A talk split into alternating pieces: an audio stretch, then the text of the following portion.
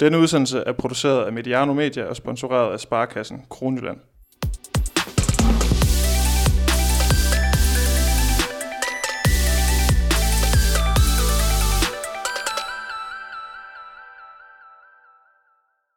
Et øh, dansk landshold uden øh, Mikkel Hansen. Et, øh, et muligt scenarie, der kom, øh, kom frem efter det i weekenden. Øh, stod klart, at, at verdensstjernens øh, højre knæ måske ikke helt har det helt så godt, som man, øh, man går og regner med. Velkommen til Mediano håndbold, hvor vi i dag blandt andet sætter fokus på et landshold, som måske, eller måske ikke skal operere uden øh, verdens bedste Mikkel i fremtiden. Øh, mit navn er Emil Halkier, jeg har i dag sat øh, Ferrari'en, det røde lyn, i 5. gear og kørt til, til Vestjylland, håndboldhovedstaden i Vestjylland.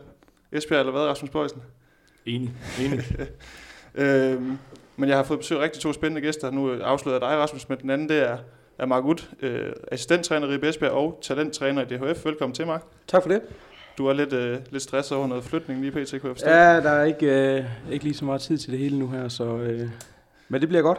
Du er færdig med at tage noter på ulandsholdene. Du Næsten. Har, du har skriblet noget ned, kan jeg Der kom der lige en ny opgave, inden vi gik på, så øh, der arbejdes hele tiden. Og så øh, jeg er også velkommen til dig, Rasmus. Øh, du har ikke øh, haft meget i tiden, vi tilbragt tid sammen sidst. Nej, der var lidt med en BSV-trøje, men det er jeg kommet over, synes jeg. Du har ikke... Øh, ja, altså jeg, jeg overvejede lidt at tage den med igen i dag, så tænker jeg, ah, det er måske lige at, at stramme den lidt. Øh, men det drejer sig selvfølgelig omkring, at jeg har egentlig ikke noget imod at nævne det igen. Jeg vandt jo et vedmål over det, Rasmus, øh, om, om BSB ville vinde uh, DM-guld inden for to år. Det gjorde de selvfølgelig, fordi jeg havde, havde sagt det. Øh, Rasmus, du var egentlig øh, lidt udlands her forleden i Ungarn. En lille køretur. Ja, det var en smuttur lige ned og se lidt bold, så det var meget sjovt. Var det en god kamp? Ja, det synes jeg. Øh, det var selvfølgelig rimelig sikkert, synes jeg faktisk, at, øh, at Skjern de fik den hjem, øh, men det var fantastisk at opleve den der kulisse, det har jeg altid drømt om. Det var også derfor, jeg tog den ned, så øh, det var en stor oplevelse at, at se, hvordan det, det fungerer på de kanter. Jeg ved, at, at du var meget imponeret over, over Skjerns præstation. Mark, var du også imponeret over det, du så fra, fra Vestjylland? Ja, jeg så, øh, jeg tog den på tv dog. Jeg fik et tilbud om at med, øh, men øh, bare det at være sammen med boys i en time, det er svært, så 13 timer til Vestjylland, det virker, eller altså undskyld til Ungarn, det virker helt uoverskueligt. Ja. Jeg var lidt nervøs ved 12-8, der tror jeg efter 20 minutter, ellers synes jeg, at de havde fuldstændig styr på det. Jeg synes, det var en rigtig flot præstation. Rigtig, rigtig flot. Det tror jeg alle i håndbold.dk de er mm. enige om. Så kan jeg jo i, i den forbindelse godt lige lave en lille teaser for, på torsdag, hvor uh, vi har fået anlagt en, en privat landingsbane her på, på fastlandet og får flået Jacob Gren ind i, i privatfly fra Djævløen, og så hopper ham og jeg en, uh, en tur til Vestjylland og snakker med en fra Skjern. Uh, han hedder måske Kasper uh, og Søndergaard til efternavn, det finder vi lige ud af. Uh, og ellers så kommer der også en lille overraskelse på onsdag, hvor jeg ved, at Jacob har noget i ærmet. Uh, men inden vi kaster os over det her tema omkring uh, A-landsholdet, så uh, kunne jeg godt lige tænke mig at stikke en finger i jorden, nu hvor vi sidder i Esbjerg. Uh, Ribe Esbjerg-området, Mark. I begynder onsdag nedrykningsspillet på ja. udebane mod, mod Skanderborg. Vi skal til Skanderborg. Er det, er det fire hold, der kæmper med en check på 75.000, eller er det fem hold, der kæmper om ikke at rykke ned? Det er de første scenarie. Jeg, øh, Midtjylland kommer ikke i nærheden af point. Øhm, og det er... Det bliver nogle anderledes kampe, det mod Midtjylland. De andre skal nok blive tætte. Øh, jeg synes, vi øh, har en fin chance. Jeg synes, vi har været gode mod, mod de hold, vi kommer til at møde nu her. Jeg har haft lidt problemer op på Mors, og, og det bliver en rigtig svær kamp. Det bliver det også på onsdag oppe i, oppe i Skanderborg. De, øh, jeg synes, de leverer rigtig godt øh, i nogle kampe, og så er der nogle kampe, hvor de falder ud. Men vi vil rigtig gerne vinde øh, alle fire kampe og bevise, at, at vi gerne også vil have spillet nogle sjove kampe ind det her. Rasmus, er det rart, at der ikke er den store spænding om nedrykning, eller gør det reelt det her nedrykningsspil til en, en klump varm luft og kampe, som egentlig bare skal afvikles uden skader? Hvis du som fan, hvis du som tilskuer, hvis du øh, ja, i håndbold Danmark så på det, så tror jeg hellere, man ville have haft, der var noget, øh, noget spænding, men som spiller er det måske meget fint. det er jo altid noget farligt noget med det nedspil der, det har vi set mange gange før, så der er jo altid, øh, det er jo altid rart at være sikker, det kan vi sige, det er vi jo ikke 100%, men, men som Mark siger, så bliver det jo, øh, det bliver jo lidt ligegyldigt, kan man sige, øh, desværre. Øh, jeg sagde også sidste gang, at øh, jeg har stor respekt for, at klubberne er gået sammen øh, og har fundet ud af den her løsning, men som spiller vil jeg måske lige så gerne have... Øh, nu er vi også lidt presset i, i Ribe Esbjerg med rigtig mange skader, og har haft været øh, plader og skader hele sæsonen, øh, så spillerne er ved at være godt brugt, mig selv inklusiv. Så på den baggrund kunne man selvfølgelig sige, at det måske har været federe at, at kunne bruge den her tid på at, at komme sig og gøre sig rigtig godt klar til næste sæson, men vi har stor respekt for, at vi skal ud og spille de her kampe, og det går vi selvfølgelig professionelt ind i, og se om vi ikke kan vinde alle sammen og få lidt penge til bødekassen forhåbentlig. Men Mark, hvad kan man bruge sådan et nedrykningsspil til? Nu, når vi, vi snakker om det rimelig åbent sportsligt, er der jo ikke det store på spil. Øh, I hvert ikke en, en nedrykningsfar lige umiddelbart. Altså, hvad, hvad kan man ellers bruge sådan de her fire kampe til? Jamen, for vores vedkommende bliver det jo det der med at bevise, at, at øh, vi har haft en turbulent sæson, og vi vil rigtig gerne bevise, at vi øh, er bedre end, end der, hvor vi er lige nu. Øh, og det synes vi også, vi med, med en skadesfri trup, og så har vi haft meget udskift på træner, så, så, så jeg tror, øh, altså det har jo været en, en rigtig svær sæson øh, på mange områder, og det gælder for os om at komme godt ud af det, og, og sådan prøve at stå bedre rustet til næste sæson. Øh, men vi var ikke mange i sidste uge, altså med skader, og, og Jakob var afsted med, med landsholdet. Så, så øh, det har været en, en, en sæson, vi, som ikke er gået, som vi havde håbet i, øh, i år. Det skal vi have, vi skal have runden godt af, hvor sagt ordentligt farvel til dem, der ikke skal være her, og så må vi arbejde videre med, med det, der skal ske til næste år. Noget vi fik rundet af, det var øh, weekendens Golden League turnering, hvor øh, det danske herrelandshold var en, var en tur i Norge, og, og ligesom øh, på kræfter med det at møde øh, Frankrig, Island og, og Norge i, i tre kampe. Og det var, det var uden øh, den helt store stjerne, Mikkel Hansen, der blev skånet på grund af problemer med sit højre knæ, som måske er værre end, end de fleste lige gik og, vik, eller gik, undskyld, gik og vidste. Øh, det her knæ her, Bøjsen, er det sådan noget, der har været almen kendt i håndboldmiljøet, at, at Mikkel har været presset med det, eller, eller blev man lidt overrasket over, hvor slemt det egentlig stod til?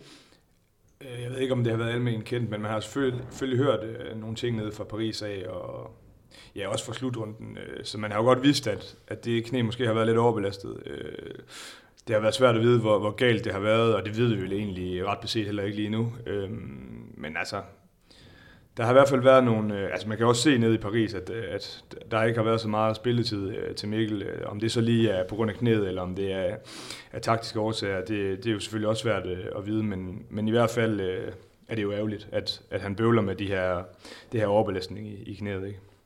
Og det er jo som sagt det højre knæ, det drejer sig om. Og jeg så et interview med, med landsholdets fys, øh, Anja Greve på TV2 Sport, der sagde, at, at Mikkel har et knæ, der er slidt, og at han ikke har særlig meget af sin, sin udvendige minister tilbage, og har meget, brusk, eller meget slid på brusken på indersiden af, eller ydersiden af knæet. Og det er en skade, der har været øh, undervejs i flere år, altså det er ikke en ny skade, det er ikke noget, der er opstået for nyligt. Øh, Mark, når man hører, at det er noget, som han har døjet med i flere år, mm. altså hvad tænker man så lige umiddelbart om det? Jeg tænker først og fremmest, at personen Mikkel, jeg kender ham ikke, men for mig der fremstår han som en, der ikke skåner sig selv, og han vil rigtig gerne være med alle steder. Jeg tror, han sætter en dyd i at være med på landsholdet, og han sætter en dyd i at gøre det bedst muligt, og træne mest muligt med hans klubhold. Så, så jeg ved ikke, øh, jeg er ikke øh, uddannet inden for, for det felt, men, men for mig virker det til, at Mikkel han rigtig, rigtig gerne vil, vil så meget og præstere så godt som muligt. Og hvis man så har lidt slid, så er det i hvert fald ikke en, noget, der gør det bedre, hvis du bare bliver ved med at klø på øh, og ikke passer godt på dig selv. Øh, det tror jeg ikke, han ikke gør. Øh, jeg tror bare, han er rigtig hårdt spændt for. Og svært ved at sige fra, fordi han rigtig gerne vil gøre det godt, der hvor han er. Men altså, som sagt, Mikkel han virker også til at være en spiller, der rigtig gerne vil også prioritere landsholdet mm. rigtig meget. Det har han jo altid tit snakket om. Øh, men der må være et eller andet sted, Bøjsen, i den her, øh, i de her år her, der er nogen, der har været lidt overmodige med det knæ, som Mikkel Hansen har rundt med. Ja, øh, jamen, så Mark, jeg, jeg giver jo meget ret. Altså, det, det virker jo tydeligvis, som om han gerne vil være med øh, alle steder, men vi må også bare erkende, at som, som kampkalenderen er lige nu, øh, der kan det være svært, og det, det er jo mange sæsoner efterhånden, han har været med. Han var jo tidligt med på landsholdet, og, og man skal heller ikke kæmpe sig den franske liga, der er altså mange kampe, og selvom øh, PSG de vel sagtens flyver til alle kampe osv., så, videre, så er der bare meget slid på ham jo, og han skal jo selvfølgelig gøre op med sig selv, øh, hvad der er bedst for ham og hans karriere. Jeg tror, at på et eller andet tidspunkt, så, så er det nok øh, slut, og jeg tror ikke, der går så lang tid, øh, som man måske øh, havde forventet for et par år siden. Nej, for Mikkel har jo selv sagt i et interview, at øh, han er blevet opereret et par gange i menisken. Mm. Både du og jeg har været under kniven med, med knæene, så vi ved godt, hvad det, hvad det betyder. Øh, og direkte adspurgt, øh, om, om håndbold Danmark skal være bekymret for Mikkel Hansens knæ, der sagde øh, fysioterapeut Anja Greve jo et lille ja, mm. øh, og så alligevel et stort men. Altså det handler om at klæde ham på, vide hvad han kan belastningsmæssigt, øh, fordi han kan man få ham til at træne bedre, så spiller han naturligvis også bedre. Øh, men, men han er et stykke fra sin topform, og det har vi vel også set de sidste par år, har vi ikke det, at han har manglet nogle procenter i forhold til den øh, Mikkel Hansen, vi så for en, en 2-3-4 år siden måske? Øh, det ved jeg ikke rigtigt, fordi jeg synes, øh, jeg tror, det med øh, slutrunden i år har han selvfølgelig været påvirket af, at han ikke har spillet så meget P- PSG, og formentlig også har haft ondt i det knæ. Øh, jeg synes da også stadigvæk, han viser glimt, hvor jeg bare tænker, at han er den bedste offensive spiller i verden. Og, og det, øh, det er på afleveringsspillet, og det er på øh, assistspillet, det er vurdering, og det er, det er bare alle parametre. Og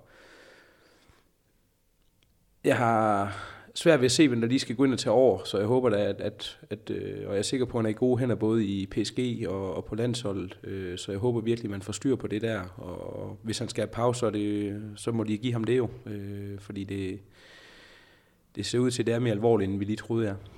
Men Rasmus, jeg ved, at du, det er jo ikke nogen hemmelighed, der er jo mange, der godt ved, at du følger rigtig meget med i håndbold, ikke kun herhjemme, men også øh, i alle andre ligaer, og også i den franske.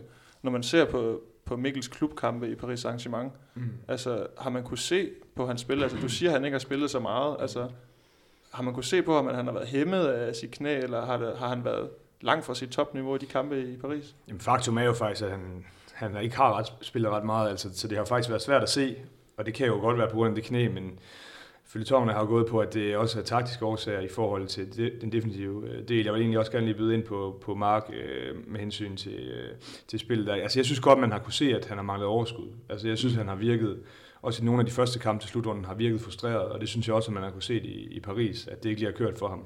Der gik jo også den her historie efter, øh, at de vandt øh, koppen dernede, at L'Equipe, øh, de, de skrev en klumme om, at han, han virkede frustreret, og han virkede ikke øh, som den gode gamle Mikkel. Øh, og det kan jo sagtens have noget at gøre med det her slid på knæet, og at, ja, at, at han bøvler med det. Så jeg tror, at, jeg tror også, det er vigtigt i forhold til at få øh, en verdensklasse spiller ud af ham, at, at han, at han får styr på knæet, at, at, øh, at det bliver godt igen, fordi så kan han også levere, og han kan få noget af den, øh, ja, den selvtillid tilbage, som, som jeg synes, han har manglet lidt her på det seneste. Men man har jo fra landsholdets side holdt lidt igen med de her informationer omkring øh, Mikkel Hansens knæ, og det var jo først her under, under Golden League, at det, så, øh, at det så kom frem, hvor, hvor skidt i gåsøjne, og det ved vi jo ikke helt, altså hvordan det står til med hans knæ. Øh, hvorfor tror I egentlig, at man ikke sådan har, har truttet rent flag fra starten af, og, og holdt lidt tilbage med, med situationen omkring hans knæ?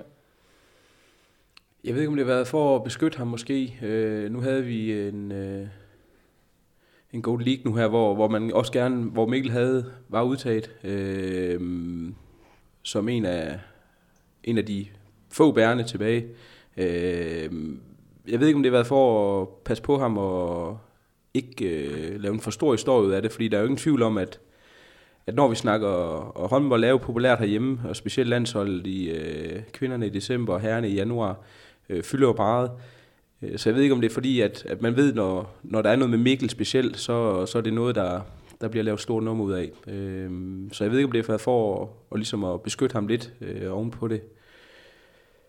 Jeg ved ikke, hvad Rasmus... Jamen, det, det, det tror jeg også 100% det har været, og det var jo også, øh, altså det så man jo også lidt med, med René Toft, som egentlig kommer hjem til Kiel, og så finder man ud af, at, øh, at han har haft en fiber faktisk under halvdelen af, af slutrunden, og det, det blev jo heller ikke meldt ud, kan man sige, så, så jeg tror det, og jeg synes jo egentlig også, det er fint, at der er ingen grund til at, og male fanden på væggen, og altså hvis man går ud og fortæller omverdenen, men også... Øh, også de andre øh, holds trænere, at øh, Mikkel han er sgu lidt presset med det knæ her. Altså, hvad sker der så i de første par kampe under slutrunden? Ikke? Altså, så, så kender jeg da i hvert fald øh, ja, ungarsk, ungarsk mentalitet nok til, at så kan det godt være, at øh, der bliver gået ekstra over til ham. Men, så jeg synes ikke, der er nogen grund til at gå ud og, og fortælle omverdenen, hvordan det er. Altså det vigtigste er, det er jo, det, øh, at der bliver styr på det inden, øh, ja, internt, og så øh, at, øh, ja, at man, man måske øh, giver ham den ro til at komme tilbage, og så, øh, så tror jeg også på, at vi får, får en god Mikkel at, at se igen.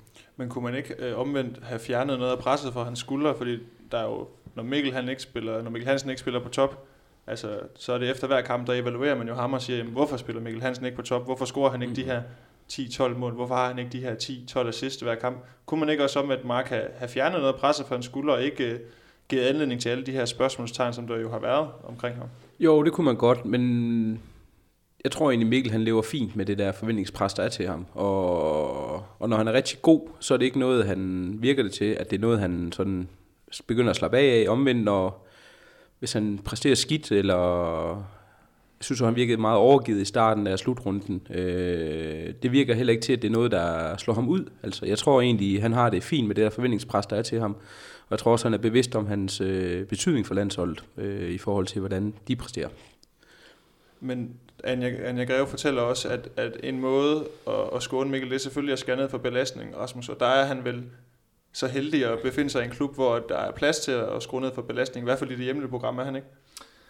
Det ved jeg faktisk ikke, men jeg synes, altså, det, kører jo ikke alt for godt i, i, i den hjemlige liga for Paris. Altså, de er jo ikke så suveræne, som man har regnet med, og det bliver jo meget presset i forhold til, om de kan vinde, øh, om de kan vinde det franske mesterskabet. Og hvis de ikke gør det, så vil det være en kæmpe skuffelse. Øhm, man kan sige, at de spiller øh, ikke så, så bredt, så han har jo fået rimelig meget øh, ro, og det er jo også derfor, det er lidt tankevækkende, at, at han så stadig er belastet, og at det knæ det ser skidt ud, fordi man kan sige, at han har faktisk haft mulighed for at få noget ro her øh, i den her sæson efter slutrunden. Øh, og det virker jo så ikke til, at det er blevet bedre, så på den øh, baggrund kan man så måske sige, at det gør det lidt øh, ekstra tankevækkende, at, at der måske skal mere til, at han måske skal have en lidt længere pause, det ved vi jo ikke. Altså det er jo igen bare gissninger, men, men han har i hvert fald ikke været så hårdt spændt for, som han måske har været i nogle af de andre øh, år, ikke? Så, så ja. Vi håber selvfølgelig det bedste for, for både Mikkel Hansen og hans knæ. Øh, han er jo en, en fornøjelse at se spille, så vi, vi håber ikke, at, øh, at det er noget, der kommer til at tynge ham for meget. Men, men som weekenden indikerede, øh, så kan vi jo ende i en situation, hvor det er et dansk landshold uden Mikkel Hansen. Øh, Bøjsen, altså et landshold uden, øh, uden ham som, som første skytte og, og spilfordel på venstre, øh, venstre bak. Hvad vil det få betydning for landsholdet? Jamen, det bliver jo for det første bare mærkeligt, kan man sige på en eller anden måde. Man har jo været vant til ham i efterhånden rigtig mange år. Men jeg vil så sige, at jo, selvfølgelig er han en fantastisk spiller, og han er ufattelig vigtig. Han har noget af x-faktor, som, øh, som der nogle gange har manglet tidligere måske på landsholdet. Men jeg vil så sige, at på, på den position, der er måske ikke øh, der, vi øh, allermest presset. Øh, der er en, en masse dygtige øh, vensterbaks. Øh, og jeg vil sige, Rasmus Lauke viste jo om nogen her øh, til Golden League, øh, hvad, hvad det er for en størrelse han er. Altså, han har jo været fuldstændig fremragende, og man kan også sige, selvom Mikkel ikke for alvor slog til, øh, til slutrunden, så gik han jo bare ind og, og tog lidt over, synes jeg.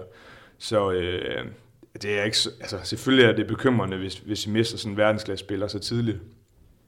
Men altså, der kommer nye spillere, det gør der altid, og vi har, kommer vi måske også ind på lidt, lidt senere, men vi har jo en fantastisk, øh, vi har et fantastisk øh, talentarbejde i Danmark, og det gør, at, at vi ikke er så presset i forhold til at, at miste en spiller. Så øh, på den baggrund synes jeg, at, øh, at det selvfølgelig vil være ærgerligt med, med mangel af Mikkel, men øh, der er andre, der kan tage over inden øh, vi tændte mikrofonerne, hvor det også lykkedes mig at vælge en, en kop kaffe ud over bordet. Jeg var simpelthen så nervøs for at være her i dag, Rasmus. øh, der talte vi også om, Mark, øh, at der er jo ikke nogen tvivl om, hvad det er, Mikkel Hansen han er god til. Mm. Og vi siger selv, specielt, at han excellerer i, i sit skud og sit mm. afleveringsspil. Hvis man piller ham ud af et landshold, hvad ændrer det så ved på måden, som landsholdet kommer til at spille rent offensivt? Jamen det bliver noget andet spil jo, øh, og det bliver... Øh jeg synes Mikkel er elegant. Øh, jeg synes, han er for ting, svære ting til at se rigtig, rigtig nemt ud. Og det kommer vi selvfølgelig til at miste en del øh, af spillet. Øh, han er vel med i 20-22 mål, når vi spiller gode kampe, øh, enten med assist eller med, med mål. Og, og det bliver noget andet. Øh, jeg vil så sige, at Rasmus Lauke der har udviklet sig til at være en, en verdensklasse spiller. Han har virkelig haft en god sæson i, i øh, Flensborg, og han, øh, han var også rigtig, rigtig god i slutrunden, og, og spiller fremragende i lørdags mod Island. Så, så øh, det bliver noget andet spil, og det bliver nogle andre, nogle, nogle andre typer, vi skal have i spil. Øh, men det bliver ikke nødvendigt. Det er jo ikke sådan, at Danmark lige pludselig går fra at være en, en, et verdensklassehold til at være øh, uden for semifinalerne. Det, det bliver det ikke. Øh, det bliver noget andet, og det bliver også lidt sværere, øh, fordi Mikkel er en klassespiller. Men, men jeg tror, øh, jeg synes, vi er godt stillet. Men der er vel også det, når man har en spiller som Mikkel på banen, så kan man tillade sig at, at bygge ens spil meget op omkring en vurdering. At du har en Mikkel Hansen, der stiger op og har de her tre-fire muligheder, og du ved, at han kan kaste en diagonal ud i højre fløj, og så ligger den der bare. Mm.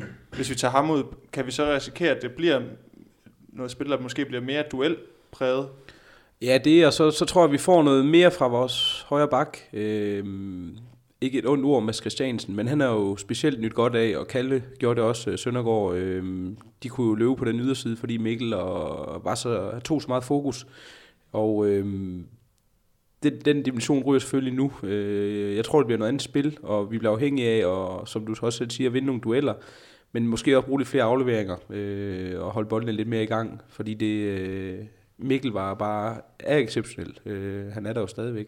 Så øh, han er jo exceptionel på at træffe en rigtig beslutning, og øh, det, bliver, det bliver noget andet, men øh, jeg er egentlig meget fortrystfuld. Jeg synes, Lauke har, har vist, at han er klar til at, at lede et landshold også.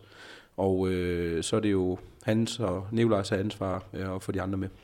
nu når jeg ikke engang at stille det spørgsmål, for I hiver selv øh, Rasmus Lauke op af hatten, så jeg skulle til at spørge, hvem der bliver de, de toneangivende spillere i den del af banen i det offensive spil. Øh, Bøjsen, er det, er det Rasmus Lauke, der skal ind og tage dirigentstokken og ligesom sørge for, at, at Danmark øh, holder sig til? Ja, det er det jo. Altså, det er jo en verdensklasse spiller, som Mark, Mark siger, at øh, ja, altså, han har jo allerede vist, at han kan gå ind og gøre det, synes jeg. Øh, jeg synes også, øh, det kommer jo formentlig til at betyde, at vi måske kan spille lidt bredere. Altså, der kan komme flere øh, spillere i spil. Men jeg synes jo også, for at vende tilbage til Mikkel, så, så tager han jo også meget opmærksomhed, mm. så det har jo gjort, at, at vi har haft rigtig mange spillere, som har kunne, øh, ja det så vi også blandt andet med Morten Olsen til OL, ikke? Altså at han går ind og, øh, og bruger den opmærksomhed, der bliver brugt på, på Mikkel, øh, til at gøre sig selv farlig og få skabt plads ud for det. Så der skal vi jo ud og finde, finde nogle andre måder at ja, få skabt det på, men selvfølgelig vil, vil et forsvar også have rigtig stor fokus på, på Rasmus Lauke. Øhm, så, så det kan også komme til at betyde øh, det samme, at, at han så går ind og tager den her opmærksomhed for, for forsvaret. Men jeg tror på, at vi måske kan komme til at spille bredere, og at vi kan få flere spillere i spil mm. øh, ved det. Og så synes jeg jo også, at vi skal snakke om, om forsvarsdelen, fordi det er jo ikke der, Mikkel Hansen har sine kompetencer. Øhm, så det kan også komme til at betyde der, at, at vi måske ikke behøver at, at bruge så mange udskiftninger, og vi behøver måske ikke at have Landin på øh, ind og dække en bak. Så der kan jo også være nogle ting der, Og jeg synes også, vi har set, øh, nu ved jeg godt, at Mikkel Hansen er fantastisk i kontrafasen, men jeg synes, at, at vores kontrafase den er haltet, og det kan godt betyde noget, at, øh, det kan godt betyde noget, at vi, øh, at vi måske ikke kommer til at bruge så mange forsvarsangrebsudskiftninger, og vi måske kan løbe på en anden måde øh, i kontrafasen, fordi det er i hvert fald lidt af de øh, fokuspunkter, jeg synes, vi skal have. Altså for, for et par år siden, der hvor vi var rigtig farlige, der var øh, vores kontrafase øh, fantastisk. Jeg synes også, at nogle af de, de, øh, de lande, som øh, de sidste par slutrunder måske har overhældet os lidt, det er noget af det, de har, har virkelig øh, udviklet sig meget på. Jeg synes også, man så, øh, Frankrig har haft rigtig meget fokus på det her til Golden League, at de, de viste, at øh, deres anden bølge blandt andet, at den, øh, den er rigtig skarp, og jeg tror, det er noget af det, vi skal finde tilbage til også for, for at udvikle os og komme helt op. Så i forhold til det her med at have et, et slagkraftigt landshold i den absolute internationale top, så skal vi selvfølgelig være bekymrede i forhold til Mikkel Hansens situation, men vi skal ikke være så bekymrede at, at, over, at vi ikke har materiale til at fortsætte at spille med omkring øh, medaljerne, når vi tager til slutrunden. Nej, det synes jeg ikke. Øh, jeg er mere bekymret øh, for vores øh, forsvar, om det kan holde vand. Øh, jeg synes selvfølgelig, jeg synes Mikkel er en klassespiller, det tror jeg, vi har nævnt på gange nu, øh, alle ved bordet. Øh, men, men han kan godt erstattes, ikke en til en, men, men ved at bringe nogle andre kompetencer i spil. Jeg er mere bekymret for vores øh, forsvar. Jeg synes ikke... Øh, jeg blev ikke så meget klogere på det i weekenden, hvem der lige skal, hvem der er klar til at tage over, øh, specielt på træerpositionen. Øh, der kan jeg godt, øh, der har vi en opgave i at få, få destabiliseret, for jeg er sindssygt meget på bølgelængen med Rasmus. Hvis ikke du øh, får kontramål, så det er kun Frankrig, der kan tillade sig ikke at løbe 100%. Øh, ellers så, øh, så ser vi Sverige Spanien have en rigtig god slutrunde nu her, og det er simpelthen på grund af en, en god defensiv, og så løb derfra. Så, så vi skal have fundet noget, vi skal have fundet nogle træer, øh, der, kan, der kan tage over for René, når, når den tid kommer. Fordi det, øh, det bliver grobunden med, med Niklas og så et godt forsvar hvis vi hiver fat i den her Golden Week, week øh, Golden Week weekend, det var godt nok et svært ord, øh, med, med to, to sejre, en, en stor sejr øh, i går aftes over Norge, øh, en, en lidt mindre sejr over Island, og så et nederlag til Frankrig. Øh, Bøjsen, hvordan synes du, at landsholdet klarer sig i, i fraværet af ikke kun Mikkel Hansen, men også nogle af de andre store navne? Jamen, alt i alt synes jeg, det var positivt. Altså, øh, det startede selvfølgelig lidt skidt ud, men øh, det virkede til, at Nicolai Jacobsen han fik øh, ind i hovederne på folk, at øh, de bare skulle øh, give slip og komme med alt, hvad de har. Det er jo det, det handler om. Altså, når, når man som ung spiller får chancen til det der, så handler det bare om at, at give alt, hvad den har. Altså, du kan jo ikke lave noget forkert i, i sådan nogle dage der. Det er bare at, at give los. Og det synes jeg, at der var mange, der fik vist. Jeg synes, der var rigtig mange gode ting meget på bølgelængde med Mark. Altså defensivt kan det godt øh, se lidt øh, spændende, vil jeg kalde det, ud de næste, de næste par år, måske om to, tre, fire år. Der øh, bliver det spændende at se, hvem det er, der kan gå ind og, og vise internationalt øh, niveau. Men offensivt synes jeg, at der er rigtig mange øh, spændende spillere, det må jeg godt nok sige. Altså der øh, vi har tit snakket om, at, at vi mangler ener i, i dansk håndbold. Det synes jeg ikke øh, er tilfældet længere. Altså, jeg synes virkelig, der er mange spændende spillere, der kan nogle ting, som, som man ikke lige ser øh, alle andre steder. Øh, så jeg synes, det så rigtig positivt ud. Øh, så jo, alt i alt øh, fornemt, synes jeg. Hvilke konstellationer er det, vi kigger på at få sat sammen derinde i midten, Mark? Altså, hvem er det, der ligger og, og skal øh, overtage efter Toft, altså, som det ser ud lige nu? Jeg er ikke... Øh jeg er ikke selv helt øh, med på, hvem det skal være. Jeg synes, man prøver med Frederik Clausen, og det synes jeg, man skal prøve igen. Øh, han var udfordret, men det vil også være underligt andet. Øh, vant til at det ikke meget to år og, og første landskampe. Øh, jeg synes, Lars Mosing har det godt op i Holstebro. Jeg ved ikke, om det er nok til at, at komme med, men jeg synes i hvert fald, de gange vi har mødt dem, øh, der har vi været udfordret på at lave mål omkring ham, og det har været med, med Jakob som egentlig øh, normalt er svært at styre. Øh, jeg synes, han gør det godt, Mosing. Og så håber jeg på, at øh, vores egen Jonas Tidemand kan holde sig skadesfri. Øh, så tror jeg på, at han, øh, han i løbet af et par år kan, kan komme med omkring det. Jeg synes, han er en fremragende forsvarsspiller. Øh, Simon Hall skal modnes lidt. Øh, bliver godt for ham at komme til Flensborg. Øh, håber, han skal dække meget op. Og så så vi lidt til Savstrup også, som, øh, som egentlig, jeg synes, jeg har gjort det... Øh, han havde en rigtig god sidste slutrunde som U-spiller. Øh, dækker fremragende op, op i Aalborg på den der 5 meter. Øh, og han skal have noget, noget tid øh, til at måske blive begyndt på, på træerne også. Hvis, hvis kriteriet er at skulle kunne styre Jakob Holm, så må en spiller som Peter Lund vel også være i, i overvejning. Det er han. Og, øh, jeg bare lige en kamp, jeg så mellem jer og Ja, men han havde fuldstændig styr på Jakob, og øh, det er jo bare en fed historie med Peter Lund, synes jeg. Øh, jeg tror ikke, det er nok til at komme med, men øh, jeg er enig, Peter Lund har, har virkelig haft styr på os i år. Undskyld. Øhm, hvis vi kigger, nu har vi snakket lidt omkring øh, den her midterakse inde i forsvaret, så vi kigger op på, på venstre bakken, som er der, hvor der skal findes en afløser øh, for Mikkel. Øh, vi, vi snakker om Rasmus Lauke, øh, men, men hvordan ser hakkeordenen egentlig ellers ud på, på det der landshold lige nu, på kongepositionen, som jo venstre bakken jo er? Jamen, jeg vil faktisk gerne lige melde ind i forhold til forsvaret. Altså noget af det, som alle landshold og klubhold rigtig gerne vil have, det er jo netop en vensterbak, som også mm. kan gå ind og dække træer. Og hvem er det så, vi har der? Øh, altså, jeg kunne godt forestille mig, hvis Lasse Møller fik chancen i GOG. Han skal selvfølgelig også lægge noget på fysisk. Men hvor ville det da være fantastisk at have sådan en spiller, som kan de ting, han kan i offensivt, og så kunne gå ind og dække øh, træer. Ikke? Altså det vil jo... Rasmus Lauke har måske også... Jeg ved ikke, om han er... Ja, han er selvfølgelig meget ældre, ikke? men han har også nogle af de ting, der måske kunne, kunne gøre det. Mads Mensa det samme har også dækket lidt træer. Altså fordi, når vi nævner Peter Lund, Lars Mosing, altså kan de gå ind og dække en træer? Øh, Savstrup har heller ikke den der størrelse. Jeg synes, han er fantastisk frem. Han dækker i det, mm. i det hele taget rigtig dygt, øh, dygtigt op, og er fantastisk frem i, i etteren. Øh, men jeg kunne godt tænke mig, at man, man prøvede måske at... Altså Frederik Clausen, jeg synes, det er fedt, at han får chancen og ind på træer, men han ligger jo ikke øh, særlig meget træer i, i, i klubben, og det skal han måske også overveje jeg er helt sikker på, at der bliver lagt en god plan der. Men jeg synes, Lasse Møller kunne være rigtig spændende at få, få noget fysik på ham, og så øh, lade ham prøve at og, ja, arbejde. Han har også det lidt træer i, øh, i går arbejde med det. Det tror jeg virkelig kunne være spændende. Måske Men, Andreas Holst. Ja, Andreas Holst også. Ja, 100 procent. Øh, Ja, for der er jo masser af navne, og nu, nu talte vi også lidt om en, inden vi gik på, hvordan går det egentlig med ham. Øh, Lasse Andersen er vel også et mm. navn, som alt afhængig af, hvordan hans knæ har det, vel også er i spil til at, at gå direkte ind og spille på et landshold et eller andet sted? Ja, nu snakker vi angrebs vensterbak. Ja. Ja, ja fordi øh, jamen, det er han, og øh, vi har Lasse Møller. Jeg synes, Jakob havde en god øh, weekend. Øh, vi har også nogen på vores U20'er, specielt Emil Lærke, synes jeg, øh, er rigtig spændende. Øh, så det er jeg ikke så nervøs for. Øh, jeg vil heller ikke glemme Michael Damgaard. Trods alt ja, All-Star sidste sæson. I og men så skal også have flere ja, minutter dog.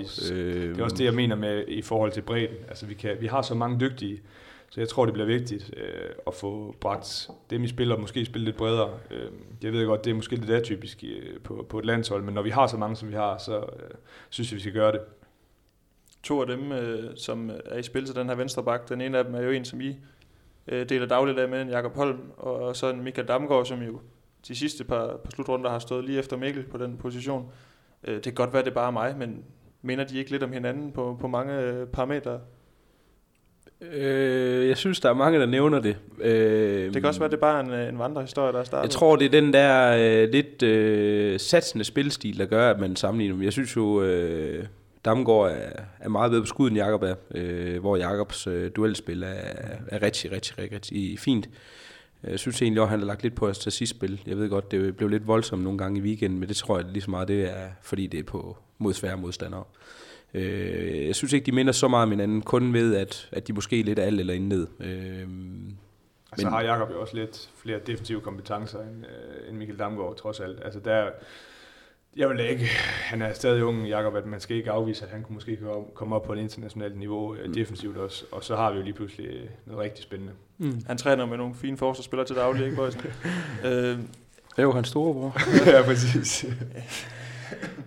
Hvad hedder det? En af dem, som er den første, I, I bragte på banen, det var jo Rasmus Lauke. Altså, er det en kommende, altså er vi, er vi, er vi med ham derude, hvor vi siger, at det er måske en kommende verdens bedste håndboldspiller, der render rundt på det danske landshold? Altså, er, er vi så langt op med ham, at, at det er det niveau, han kan tage det til?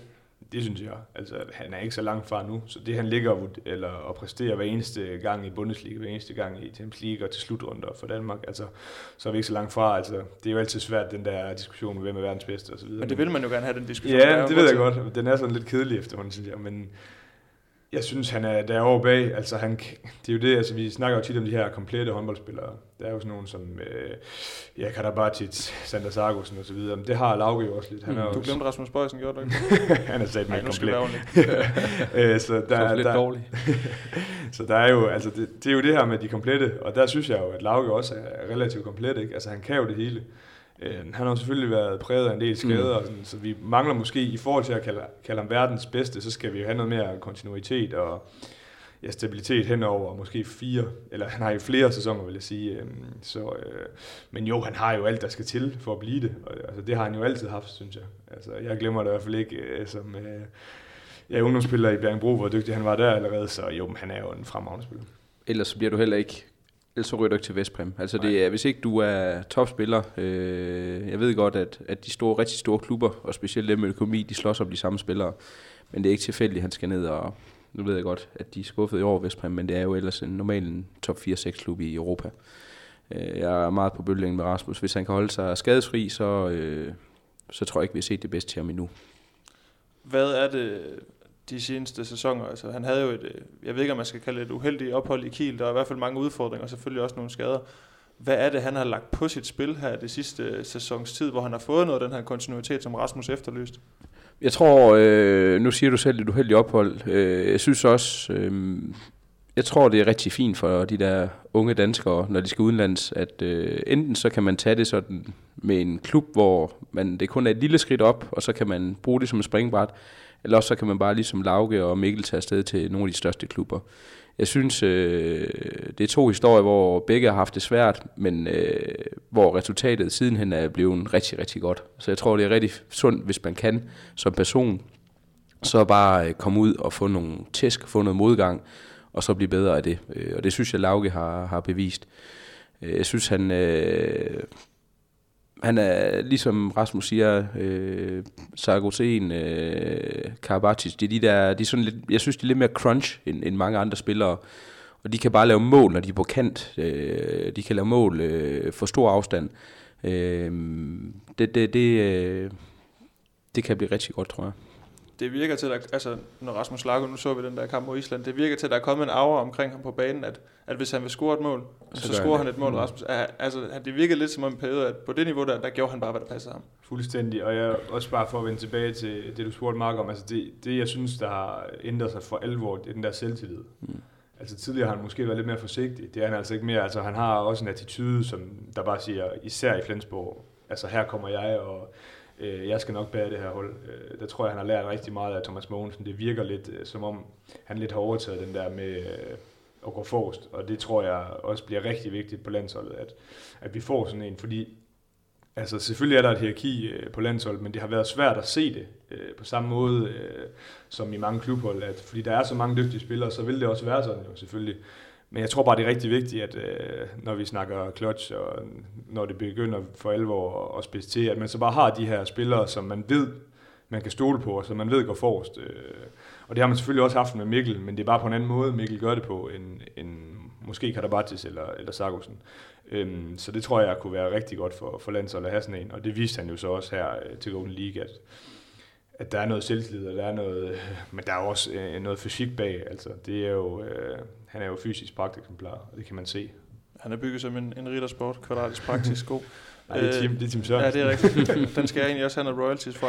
Øh, Torben Væver, du sender lige, jeg sender lige en regning.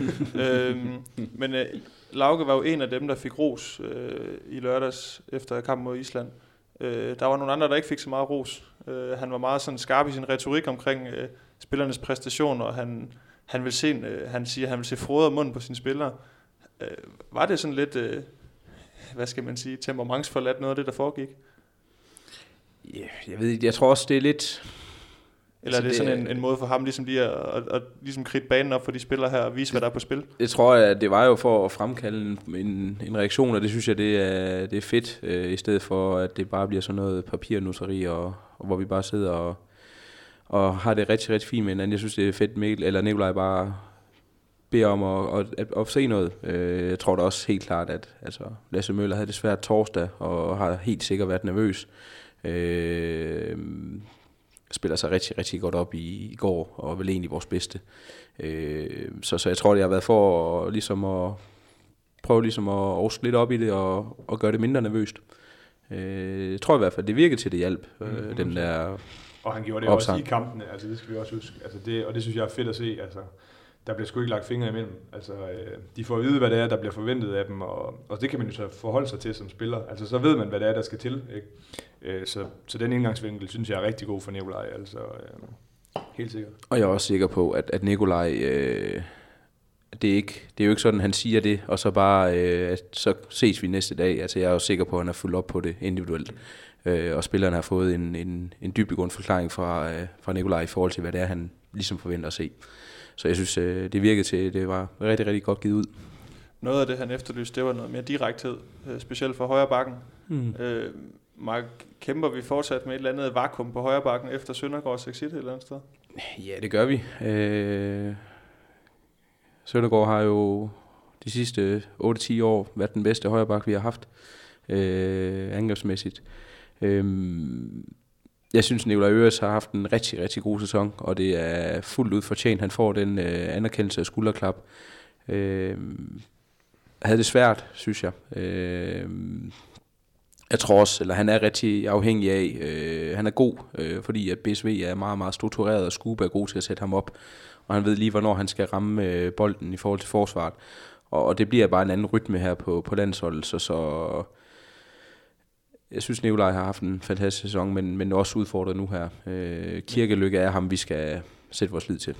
Ja, Jeg synes, ja, det, det er jo faktisk lidt paradoxalt, fordi jeg synes jo faktisk, at Øres var direkte i sit spil, øh, som, øh, som Nikolaj jo øh, efterlyste. Øh, det gik bare ikke. Altså, øh, som Mark helt rigtigt siger, det, han, han kræver rigtig meget, at, øh, at der er styr på spillet, at, øh, at der er flow, og man ved, hvornår man skal komme i de forskellige bevægelser. Han er jo ikke en, en mand, der, der sætter sine direkte modspillere. Derimod så formår han at komme rigtig tæt på et forsvar og skyde rundt om kroppen osv. Det er han fuldstændig forrygende til.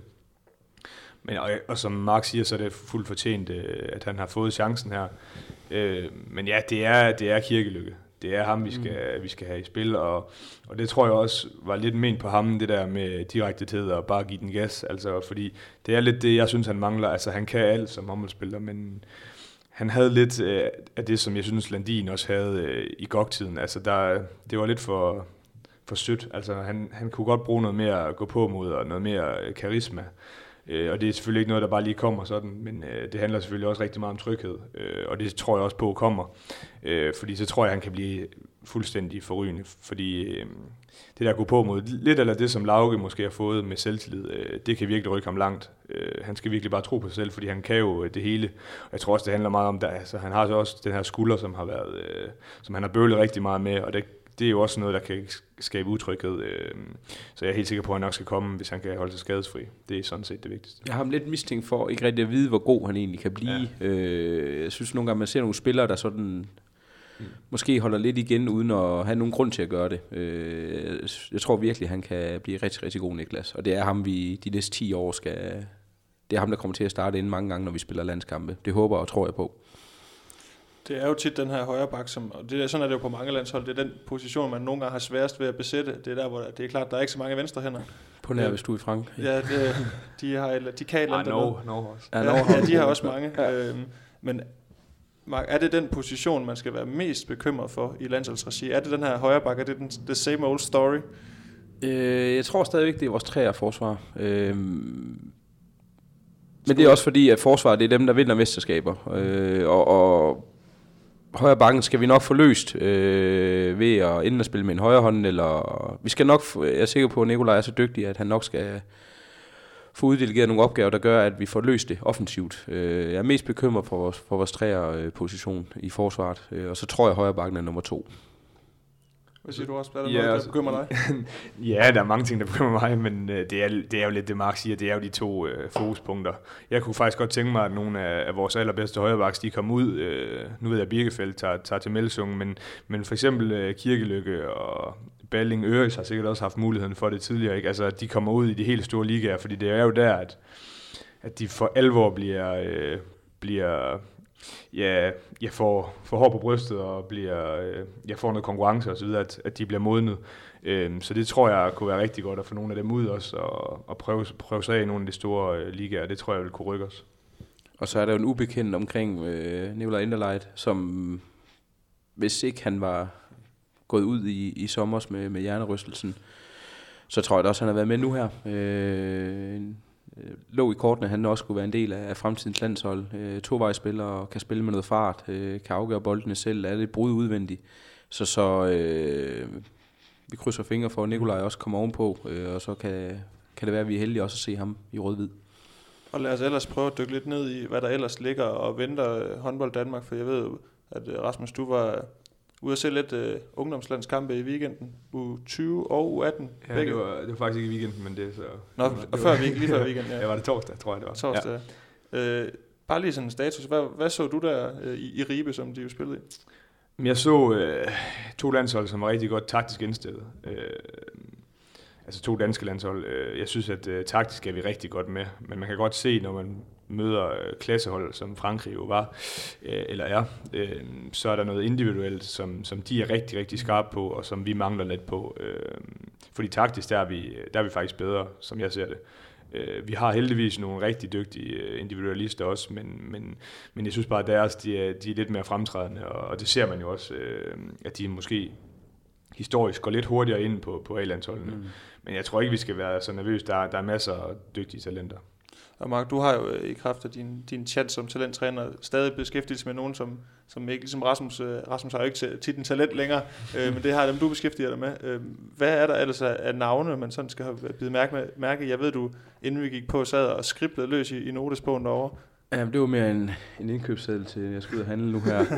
Ej, jeg synes, øh, jeg synes jo også, øh, en del af forklaringen, ikke, men, men vi har jo i, i, i Claus øh, Hansen en, en, utrolig kompetent og øh, skarp chef. Øh, og de, øh, vi arbejder jo lidt senere end, end mange af de andre lande. Vi er, vi er bagud på landskampe. Øh, første gang vi sender nogen afsted, der møder vi hold, øh, landshold, der har 10-15 kampe sammen. Øh, og det kan også tydeligt mærkes. Derudover så synes jeg, at, øh, at vi også, når vi snakker landshold, så er vi rigtig, rigtig gode til at holde øh, trakten bred. Vi har 45 øh, allerede, tror jeg, måske en af 50, der har spillet med, med det yngste landshold. Øh, og det er simpelthen øh, efter den idé at få flest mulige, få dem ud og få dem, øh, give dem en oplevelse, øjenåbner i forhold til, hvad er det egentlig, det kræver at spille på det niveau her. Så, så vi, øh, jeg tror, vi er meget anderledes øh, kontra mange andre lande, hvor, hvor vi øh, spiller med mange spillere, og vi arbejder lidt senere øh, med dem. Og øh, vi, vi er ikke vi er ikke så, det er ikke så målrettet. Altså, vi tager ikke til slutrunder for at vinde, men, men for at, at ligesom udvikle dem, øh, give dem den der aha-oplevelse. Og, og så hvis man kan vinde, så gør man det. Øh, men, men ingen forsvar og der synes jeg egentlig, det er meget strømlignet, det vi laver. Øh, Frankrig, øh, som lige var heroppe nu her, øh, de har kørt med den samme stamme øh, alle årene, øh, og, og vi mødte dem for fire, tre et halvt år siden nede i Frankrig, hvor, hvor det var stort set det samme hold. Øh, så, så de er meget øh, skarpe på, hvad, hvad, hvad det er for nogle spillere, de vil bruge, og så, så dyrker de det, øh, hvor, hvor vi sådan måske lidt senere i forløbet begynder at snævre det ind. Øh, jeg synes, vi har mange gode spillere. Jeg synes også, vi har mange spillere, der allerede øh, på 20'erne har ligakampe. Øh, jeg synes, Emil Jakobsen gør det fremragende over i GOG, øh, og jeg tror, han sammen med Tilsted næste år kommer til at dele meget af den spilletid på, på venstre fløj. Emil Lærke har været inde og snuse til det, og også over i GOG. Øh, jeg synes, han er rigtig, rigtig spændende, og øh, har altid været et stort talent, men, men er også blevet mere bevidst og, om, hvad det kræver. Frederik Bo på højrefløjen over i GOG også igen. Øh, har allerede øh, en stor rolle, også øh, hos GOG. Øh, Nikolaj bruger ham øh, meget. Jeg synes, han bruger mere og mere. Øh, og ellers så er der jo forskellige spillere rundt omkring. Lindgren dækker lidt træer op i, i Mors. Øh, gør det egentlig rigtig fint sammen med en anden unge end Kjeldgaard. Øh, Mors er rigtig god på, på at give de unge chancen også. Så jeg synes egentlig, øh, jeg synes det er de to Emil, der skinner sådan mest i øjnene. Og, og det er også, tror jeg, dem vi sådan får først at se på, på det rigtige landshold. Så vil Emil nummer tre lige stille Rasmus Bøjsen et spørgsmål her, fordi Rasmus, du har jo også været, fået fornøjelsen af at få, få ulandskampe i rødt og hvidt. Mm. Altså, Mark han snakker meget omkring det her med, at man vil gerne gøre trakten så bred som muligt og få rigtig mange ind og få de her landsholdserfaringer. Altså, hvad betyder det virkelig som, altså det kan godt være, at man ikke er fast mand på et landshold, men betyder det meget bare at være inde omkring og få lov til at få de her oplevelser? Ja, det synes jeg jo. Altså, det var i hvert fald for mig en, øh, en øjenåbner om, i, i forhold til, hvad der skulle til. Øh, og også øh, en stor oplevelse selvfølgelig, og det der med at møde nogen, som øh, er på samme stadie som en selv, og, øh, som, altså, det lærer man rigtig meget af, så det, det tror jeg helt sikkert, og jeg tror også, det er en god strategi fra, fra DHF at, at brede det ud, fordi det er altså svært at, at se, hvem det er, der... Øh, der kan blive rigtig, rigtig gode for A-landskampe. Der skal man ikke snævre for meget ind, synes jeg ikke. Øh, så det tror jeg er den helt rigtige strategi. Men Mark, kan det så også være, nu, nu hiver vi Frankrig frem, altså gør det så, at Frankrig på den lange bane, at det altså måske ikke viser sig at være tilfældet, men at man måske får et smallere, øh, en, et smallere mængde at kunne plukke af, mens at når man har flere igennem systemet, så er der potentielt flere, som måske kan, kan udvikle sig, eller hvordan forholder det sig i forhold til det? Jeg tror ikke, at øh, jeg tror begge måder øh, er rigtige. Altså jeg ved, vi ved jo også godt, at, at når vi er 45 spillere inden øh, det første år, så ved vi jo godt, at, at de ikke alle bliver a spillere øh, Men det er simpelthen også øh, ud fra den tese, at, at det er umuligt at spore, hvem der kan blive det. Øh, så, så derfor vil vi rigtig gerne holde, holde alle ilden. Øh, Frankrig gør det bare godt. Altså de er, jeg synes spillerne sådan er meget, meget atletiske, spændstige. Mm. Øh, deres øh, duelspil, mange af dem er, er noget, vi ikke kan matche. Øh, og det vi kan, når vi så alligevel for eksempel torsdag, når 20'erne spiller lige op med Frankrig, så er det fordi, vi taktisk er godt indstillet. Øh, Frankrig er det bedste hold i den årgang, og øh, har egentlig kun smidt point, øh, når de møder Danmark. Øh, og det er jo lidt tankevækkende. Øh,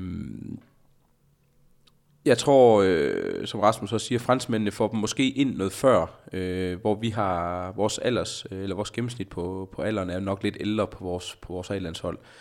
Men jeg tror egentlig, vi har spillerne øh, klar i kulissen. Øh, de skal bare... Øh, og det synes jeg, det virker til med Nikolaj, at, at han tager dem ind og giver dem nogle kampe, øh, når der er mulighed for det. Og så når vi står i slutrunden, så ved han nok godt, hvem det er, han skal have med for at præstere. Øh, hvor, hvor vi måske er lidt ældre, men, men franskmænd også. Altså, de har dem med i deres slutrunder, hvor, hvor vi har dem gående, og så øh, ved vi, hvad vi får, men måske er de ikke lige klar endnu. Rasmus, nu har vi jo på A-landshold siden i mange år, skulle undskylde mit sprog, øh, kæmpe med de skide franskmænd. Og det, det lyder jo til, at det bliver tilfældet igen de næste mange år, eller hvad? Ja, bestemt. Altså hvis du kigger på mange af de allerdygtigste talenter, som der er rundt i, i verden, så øh, hvis du tager positionerne igennem, så finder du altid en franskmand, mm. der er helt, øh, helt med fremme. Så jo, altså de er bare, de har en, de har rigtig mange spillere, og de har rigtig mange dygtige spillere, og nu er den franske liga også ved at være så stærkt, øh, stærk, at de kan, kan udvikle øh, de allerbedste talenter i, i den franske liga også. Så, øh, så jo, de, de bliver svære at komme udenom. Men nu, nu nævner Mark nogle, nogle danske navne. Hvis, du, ja. hvis vi skal give folk lidt at gå hjem og google på af, af internationale talenter, Rasmus, ja. hvem er det så, der er, Altså, du behøver ikke at, rulle hele din liste, jeg ved, du har mange, men, men et par stykker, som, som er værd at holde øje med. Mm. Altså, man kan jo så sige, at, at mange af dem er allerede, selvom de egentlig er talenter i forhold til deres øh, årgang, øh, der er de jo allerede med og har, øh, har egentlig øh, fået deres gennembrud øh, rundt omkring i Europa. Altså, hvis vi tager nogle af dem, som måske ikke har endnu, nu var jeg jo så ude at se U20 der, så er der i hvert fald en øh, Kylian øh, Villemino, tror jeg han hedder, øh, der spiller nede i Montpellier, som... Øh, ja, som også blev øh, MVP til sidste slutrunde for dem, og øh, lavede 13 øh, mål på 14 forsøg i finalen mod Spanien, og, og altså, han, øh, han bliver vanvittig. Der er også mange, der mm. kalder ham den nye Karabatic. Øh, godt nok synes jeg ikke, han er, er der fysisk endnu. Det kan han selvfølgelig komme, men han har øh, offensivt nogle fuldstændig vanvittige kvaliteter, både i vurderingsspillet, men også i, øh, i brudspillet. Øh, og han spiller meget playmaker for dem, fordi de har nemlig også øh, en venstreback, som øh, kan lidt af det hele en, der hedder Elohim Prandi, som øh, er opvokset i øh, Ivri, dernede, hvor, hvor Morten Vium spiller nu. Der er han blevet udviklet. De har udviklet rigtig mange talenter øh, igennem tiden. Blandt andet Lyka Ballot har også været igennem dernede, så øh, spiller han så nu i Nîmes, hvor han spiller regelmæssigt i den franske liga, og Nîmes har jo gjort det sindssygt godt i den her sæson. Så, så det er i hvert fald to af dem, som jeg kunne se øh, kan komme på landsholdet for, om, øh, om et par år øh, allerede der. Og så er der jo i forvejen, som også er den årgang, der er det jo Dylan øh, Nahi, som spiller venstrefløj. Han er 99, og han, spiller, han, er, han var med til Golden League spiller i Paris, og altså, de har så sindssygt mange øh, mm. dygtige spillere, og det er jo det, er det individuelle kompetencer, som bare skinner, skinner i øjnene på mig, øh, så øh, ja, de bliver dygtige fremover. Jeg vil så sige, der er en ting, som jeg er lidt spændt på, øh, og som er rigtig vigtigt, øh, for landsholdet, det er jo på målmandsposten. Jeg troede faktisk, at Julian Meyer, som har været med øh, i mange år på ungdomslandsholdene, har været på All-Star og så videre, som spiller i Chambéry, øhm, at han skulle allerede nu måske tage over lidt for, for Omaria. Det har jo så vist sig, at øh, Gerard har gjort det bedre, end i hvert fald jeg har forventet. Har været på Aarhus, der holdt de sidste øh, to slutrunder, og også øh, Dumoulin, som spiller i, øh, i Nantes, at, at de, har, de har været for gode til, at han har kunnet slå dem af øh, endnu, og det havde jeg faktisk forventet. Jeg, jeg er meget spændt på ham, fordi de er lidt op i årene, de to andre, som jeg lige nævnte. Så når der kommer en udskiftning, et generationsskifte på målmandsposten, så øh, er jeg spændt på, øh, hvem det er, de finder frem. Og det, det ligger til, at det bliver ham, men jeg synes, han er gået lidt i stå øh, udviklingsmæssigt. Og jeg kunne også se på både U20 og U18 øh, på det franske landshold, at det var måske der, de var, var svagest faktisk øh, på målmandsposten. Så det er jeg spændt på. Man skal ikke begynde at kigge på deres ståbstest, og så kigge på ens egen, så ved man godt, at løbet er, er kørt. Ja, det er også et eller andet sted, det der er skræmmende, når man sådan ser Frankrig nu her i Golden League. Altså, de kan jo stille med et 96-97 og yngre landshold, hvor, hvor man tænker, at de med rette kunne kvalde sig til en kvartfinale ved en slutrunde. Altså, det er jo... Jamen, det, det er vanvittigt. Det er Legard, og det er Dika Mem, og det er Melvin, og Janis Len og ja, Konky, og jamen, ja. der er så mange. Fabregas øh, glemmer man egentlig lidt, fordi han har været med allerede nu i et par år, og han er jo egentlig kun 97. Ja. Øh, så så det, det bliver de har en rigtig, rigtig lys fremtid. Og det er også lidt sjovt, nu snakkede også om øh, det franske landshold, at øh, på ungdomssiden er hurtigt til at vælge deres spillere, men vi skal også bare huske, at de kan med han startede altså med håndbold, da han var 13, og ham Pek Malbæk, øh, en stregspiller fra Nang, som lige er kommet med nu her, han spillede fodbold på højt, højt niveau, til han var 16. Så altså selvom at de er hurtige til at finde, hvem det er, de vil satse på, så skal vi også bare huske, at der er nogle af dem, der kommer sent i gang, og så alligevel går ind og bliver verdensklassespillere. Så ja, det er lidt skræmmende, hvor dygtige de er til det. Og det er også skræmmende, hvor dygtige er i jeres øh, franske udtalelser. I har virkelig, øh, virkelig øvet jer øh, frem til i dag. Øh, Markus, man kigger på, på, det er jo tydeligt, at de her franske overgange, de virker meget brede, og man har også tidligere i danske, øh, det danske ulandshold, snakker man jo om nogle bestemte generationer, som har været brede. De her U18 og U20 årgange, vil man også kategorisere dem som værende brede, eller er det svært at sætte det ned i en kasse så tidligt? Jeg synes, øh, altså 94-95 havde vi en rigtig, rigtig fin overgang. Dem, der vandt øh, øh VM i Brasilien? Præ, øh, nej, de bliver to efter Frankrig. To efter Frankrig, ja. ja. Nu forveksler jeg med 92, de vandt vist VM i ja. ja. En god men, overgang, men øh, det er helt Men vi havde jo altså 94-95, og egentlig også meget kendetegnende ved for eksempel Jakob, som nu øh, gør det rigtig godt, øh, har jo en halvanden slutrunde. Øh, og, og der har virkelig været konkurrence med, med Lasse Andersson og Nikolaj P. og Jamen, der har, der, det er en god overgang. Som også bliver rykket op og spille med, med landsholdet, der var overgangen ældre. Præcis. Og der er jo egentlig også mange af dem, hvor de allerede har været inde og snuse til det nu her. Øh, 96-97 synes jeg var lidt, øh, lidt smallere, og så, altså, men der er bare en, en Lasse Møller, som jeg tror kan blive rigtig, rigtig god. Og nu siger Mark, de er smalle, men, men ja, de, de, bliver to, de, de bliver to med 13 afbud. Ja, Altså. Øh, men men, det, det, men det, jeg ja, ved ikke, om det kommer, men det kommer bare til at lidt virke smalt i forhold til årgangen ældre. Mm. Øh, jeg synes så bare, der var, altså der er Lasse Møller, der er Savstrup, øh, Enderleit og, og Emil Nielsen, øh, som, hvor det, mm. de, de kommer også med øh, på vores fremtidige. Øh, 98-99 er, der er vi lidt pres på venstre hænder.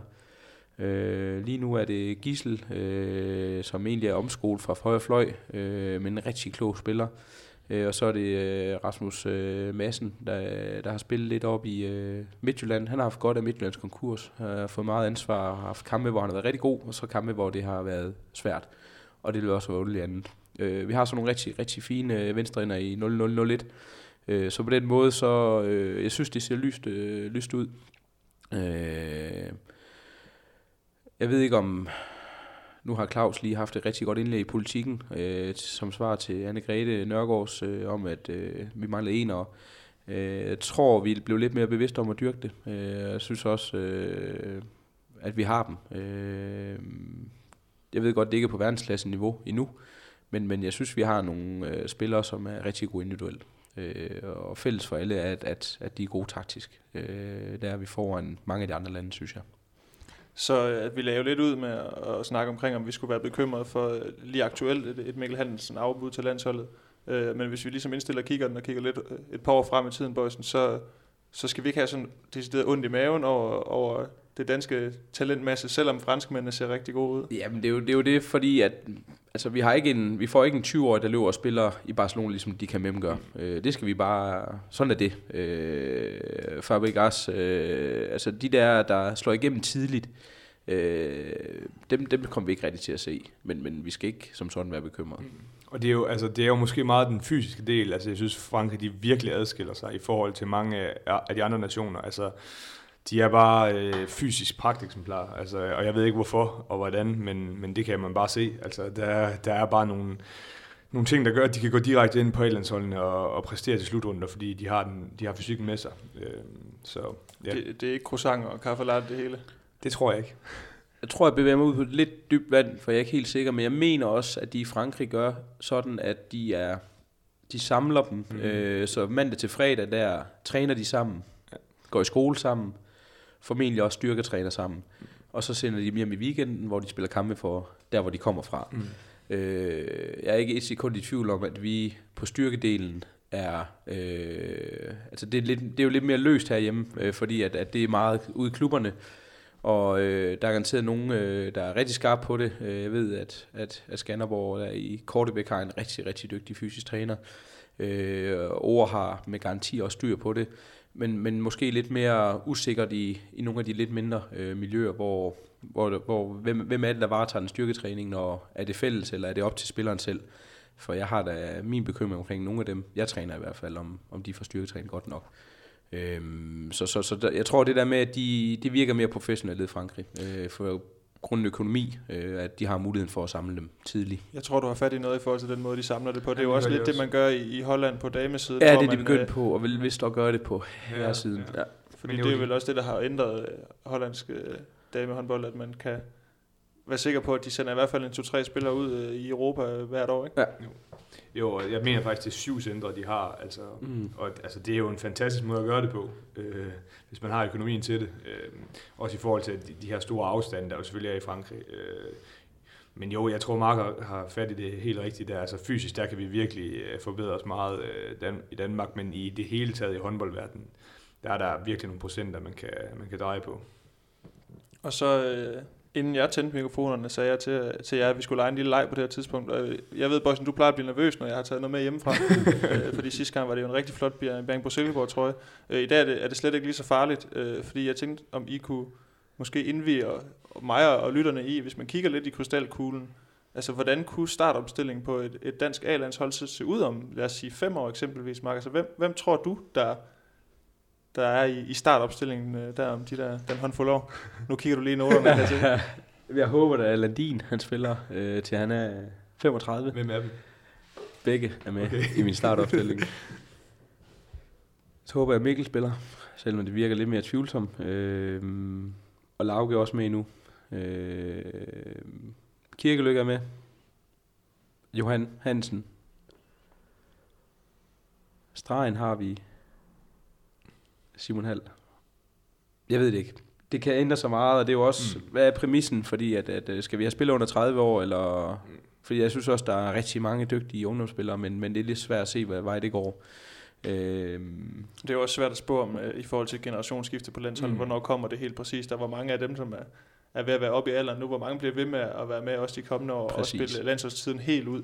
Og så er der jo også, øh, altså antal af kampe. Altså, hvor mange Mm. spillere, hvem Ja. vælger landshold fra? Øh, fordi vi, de altså, er når, vi går, når vi går fem år frem i tiden, så skal vi også huske, at Champions League ændrer struktur. Og, altså, jeg er lidt nervøs for, hvordan det bliver landsholdsmæssigt. Øh, der er i hvert fald nogle kampe, der skal tages i international håndbold i forhold til det program her, øh, hvordan det bliver. Altså, der er jo meget snak om de her øh, ishockey-landsholdstilstande. Altså, det vil jo for mig være et skrækscenarie, hvis øh, de bedste spillere helt fravalgt at spille på, på landsholdet. Det håber vi selvfølgelig ikke. Men det kan jo ændre det der hold rigtig meget, øh, hvis det bliver sådan. Øh, ja. Men øh, er det navnemæssigt, det Mark han hiver frem? Er det også nogle af dem, du tænker, der Ja. kommer til at tegne billedet? Ja, ja, 100 procent. Altså, altså, sådan en som Mensa er jo også relativt ung Ja, endnu. vi har? Mensa Altså, med, vi har Ja. Lasse Andersson med. Ja, det kan meget vel være også, ja. Ja. Altså, der er mange. Savstrup kan måske også øh, bide sig fast i forhold til det. Øh, Emil Nielsen. Emil Nielsen på mål. Måske Fransen, Ja, hvis han kan løfte sig igen nu her også, i, ja. i, øh, i Holstebro. Øh, virker til, at han har haft det svært i, i BSV. Øh, Emil Jacobsen kommer med på venstrefløj. Det, det tror jeg rigtig meget på. Øh, René Rasmussen er, jeg ved godt, på det tidspunkt er han vel 34, men men skulle vi til slutrunden i morgen, når vi har afbud fra, fra Svand eller Lindenberg, så vil jeg jo tage René med oven på den her weekend. Mm. Jeg synes, han defensivt er fremragende. Øh, han har noget spil indad i banen, og egentlig også en solid afslutter. Jeg har også gjort det godt mod Vestprim, øh, så, så ham vil jeg ikke være så nervøs for at tage med. Øh, Og se, solid er jo nøgleordet. Altså, man ved jo bare, hvad man får med René. Altså, der er ikke så meget pis, hvis man kan sige det sådan. Man må gerne bande i den podcast. det minder mig lidt om dengang Jakob Gren, han bad øh, vi, Lars Jørgensen sætte sit, øh, det All-Star hold for dem, han havde spillet sammen med. Der kommer også mere end, øh, end de her syv spillere frem til, til det, man skal bruge til at stille et hold. vi har Øh. også Zachariasen med jo. Altså han er jo mm. fast inventar nu, øh, Mm. og, og René og Henrik er, de er i hvert fald start 30. Øh, René er vel er en 34-35. Øhm, så Zachariasen får også en, rolle om fem år. Øhm, Damgaard er vel også inde omkring det. Mm. Jakob øh, er også inde omkring det. Øh, men venstrehånden, altså hvem, hvem er nummer to efter Kirkelykke, den er, den er lidt mere åben, synes jeg. Så det bliver noget af det, vi skal glæde os til at se om, om fem år, hvem der ligesom kan, kan hjælpe på den højre bak. Ja, jeg som- håber rigtig meget på, at Inderlej kommer i gang. Jeg tror, han vil, det vil være en oplagt kandidat i hvert Mm. fald. Øh, hvis Mathias Bitz, han kan ramme det, som han ramte i, var det semifinalen, han lavede 13 eller 15 til slutrunde. Øh, men det er jo dem, vi skal kigge på. Hvem er det, vi har haft med i ungdoms, øh, fordi at Øres er væk. Altså han er ikke landsholdsaktuel om fem år i hvert fald. Øh, måske Peter Balling. Mm. Ja, fordi der var jo lidt et hul. Altså, vi havde jo, vi havde jo Jonas Langerhus øh, på, øh, på højre bakke, og vi, men, men vi havde så også øh, et par unge med, Gade og, og Risum. Altså, det, det, er, det er lidt svært at se, øh, hvem det er, der Ja. sådan for alvor... Øh, Og jeg tror, landshold over spiller vel egentlig faktisk med Damgaard, Mensa, Lauke, så de Ja, har spillet meget med en Birkefeldt. højre hånd. Og Birkefeldt, ja. Birkefeldt-spillet, ja. Men ja, det, der er et hul der, og det er jo også bare det, der, er- der er svært. Øh, de hænger jo ikke på træerne, kan man sige. Nej, og hvis vi kigger, hvem, hvem har vi rendende herhjemme nu? Øh, Martin Larsen skal til Frankrig. Måske han kan, kan løfte sig lidt på det. Mm. Øh, men ellers så er det jo Søndergaard på topholdene, så han har selv valgt fra. Og BSV, det er Øres. Øh, om fem år, der er han... Mm. Det er spændende med Lasse. Jeg ved 36. ikke, altså han har jo også været inde i det der, men spiller selvfølgelig mest øh, fløj nu, men han har også bare nogle ting, øh, der er spændende. En. Inden øh, jeg kørte øh, til det vestjyske, jeg mener det var i går måske, eller i forgårs, der skrev jeg til dig på Twitter, Boysen, fordi du var ude i at undersøge lidt omkring, øh, du undrede dig bare, nu havde vi jo den her landsholdsuge, Mm. øh, A-landsholdene var samlet i mange lande, og i, i rigtig mange lande var B-landsholdene også samlet, Mm. og vi er jo ikke i den situation, at vi har et, et B-landshold herhjemme, hverken på herre- eller damesiden. Øh, vi behøver ikke at snakke om så meget om, hvorfor og hvordan og hvorledes, men, men jeg spurgte bare, om du ikke kunne undersøge, øh, hvilke lande, der egentlig har et, et B-landshold Ja. øh, på herresiden. Og Mm. Det var bare sådan, hvad kom der egentlig frem i din lille... Jamen, det var jo faktisk lidt øh, paradoxalt, fordi jeg kiggede videre, jeg gravede lidt videre, og så kiggede jeg på nogle af de store hold, og de har jeg faktisk ikke. Altså, Kroatien har ikke, øh, Tyskland har ikke, Spanien har ikke, Frankrig har ikke, vi har ikke. Øh, men forskellen for, for de lande, og, og så til os, det er jo, at vi gerne vil have et. Øh, mens, de ikke, øh, men- mens de bare har, har valgt det fra, i hvert fald hvad jeg har kunne, øh, kunne finde ud af. Men, øh, det, så det er lidt mindre lande som Holland, øh, øh, Østrig, øh, Serbien har vist også, øh, som en øh, Georgien har også, de satser meget lige nu, åbenbart, og så Norge, men øh, Norge har, har haft lang tid. Øh, så altså, jeg ved ikke, men det, er jo, det er jo sjovt at kigge på, men det handler jo også meget om, hvorfor man vil have det. Jeg synes jo, det kunne være sjovt at, at vide, hvorfor DHF vil have det, fordi lige nu er det bare sådan, øh, vi har ikke råd til det, vi vil gerne have det. Øh, øh, så ja. Mark, nu, øh, hvad, hvad, hvad kunne fordelen være ved, ved at have det her B-landshold? Altså, nu siger Bøjsen, der er nogle af de store andre store håndboldnationer, som ikke har et, og jo stadigvæk klarer sig, klarer sig okay. Jamen fordelen ved det kunne være, at, øh, at vi får nogle flere i spil. Øh, så vil, kunne det også være, øh, når de så kommer med på, på A, at, at de ikke er så nervøse, eller kender Nikolajs øh, filosofier, øh, og komme ud og give dem de der kampe øh, mod internationale modstandere. Øh, jeg tror, det vil være godt givet ud, øh, specielt til de unge spillere. Men, men, men jeg tror faktisk, det er endnu bedre for de unge, bare at være med A-landsholdssamlingen øh, som træningsspillere. Og så øh, kan de tage hjem, når kampene de skal spilles. Ja, der er jo også faktisk mange af de spillere, der render rundt nu, eller lige har været med til Golden League, som har været på B-landsholdet. Det er jo ikke så lang siden, vi har haft det. Nej. Øhm, og det har jo har formentlig, i hvert fald hvad jeg har hørt fra folk, har været rigtig, rigtig godt og brugbart i forhold til det, og få noget, øh, få noget erfaring derfra. Så, øh, Men der skal være en, en, der skal være en mening med det, Ja, øh, og, og det skal jo ikke være en, var det Allan Damgaard, der var udtaget sidst, Mm, det øh, tror det som 30, nej, han er ikke 30, nej, jeg ved sgu ikke, hvor, gammel han har været, men i Men- hvert fald... men jeg har været en, en, en rigtig solid spiller i mange år, og, og god karriere i udlandet nu her også. Øh, altså, hvad, hvad, hvorfor skal han med der? Øh, som, jeg Det, da, da de var i Polen her. Ja, det- Ja, jeg er faktisk i tvivl om, meldte afbud. Ja, det, det kan jeg heller ikke huske, men Nej. Nej. i hvert fald er det jo, er det jo vigtigt, at, at der er en mening med det, som Mark siger. Altså, der skal være en strategi i forhold til at have det. Man skal ikke bare have, have det for at have det. Øh, Men jeg kan i hvert fald høre fra, fra Norge blandt andet, at øh, de har været rigtig glade for det, og man kan sige, at efter de, efter de øh, tilførte det, der har de sådan rykket sig sådan Mhm. for alvor øh, i Norge, og det har fået rigtig mange spillere med, som, øh, som har udviklet sig på det. Så Men det er også hvor, altså udgangspunktet, hvor, hvor vi lige nu er en, en top 4 øh, nation i verden. Hvor meget mere kan vi rykke det ved at, ved at have nogen, der spiller mod Norges øh, B-landshold og Sveriges B-landshold. Øh, Jeg synes, at Norge har haft en rigtig positiv udvikling over de sidste fem år, øh, og B-landshold kan helt sikkert være en, af, en del af forklaringen. Øh, og så er der nok en, der hedder Sander, som, som også er en del af forklaringen. Øh, jeg tror ikke, vi kan, vi, vi bliver ikke top 3, øh, en fast, vi bliver ikke en fast inventar i en finale, hvis vi har et B-landshold. Det, er ikke, øh, det bliver ikke derfor. nej, det er jo ikke, det er jo ikke grunden. Øh, Nej. nej, det tror jeg ikke på. Således øh, opmuntret, så nåede vi rundt omkring både øh, et landshold øh, uden øh, Mikkel Hansen måske, øh, hvem der står i kø, både øh, først i kø, men også lidt længere tilbage i køen, hvis vi kigger lidt ud i, i fremtiden. Og så en lille snak om noget B-landshold, hvad der kan være fordele og ulemper ved det. Det var fedt, at øh, I to, øh, Mark Utter og Rasmus Bøjsen, begge to fra Ribe Esbjerg, havde tid og lyst. Øh, Bøjsen, fedt du lige ville slå dørene op til, til dit hjem. Det, det er vi glade for. Det er rart at komme ind i et hjem, hvor der står rigtig meget håndboldlitteratur på hylderne. Det, det er ligesom at komme ind i et godt kristent hjem, så ved man, der er styr på tingene. øhm, så øh, det er egentlig det, vi har til jer lytter i dag. Så, men inden jeg runder af, skal jeg selvfølgelig lige få sagt, at øh, vi har lavet det her podcast i samarbejde med, med Sparkassen Kroneland, og det er egentlig med deres støtte, vi kan lave det her nye medie. Og så selvfølgelig også med jeres støtte, så find os på Facebook, Twitter, Mediano Håndbold. Øh, Jeg ved, at øh, de to herrer her er gode til at følge med ind på de sociale medier. Ellers så brug hashtagget på vej, så, så finder vi vej ud til jer.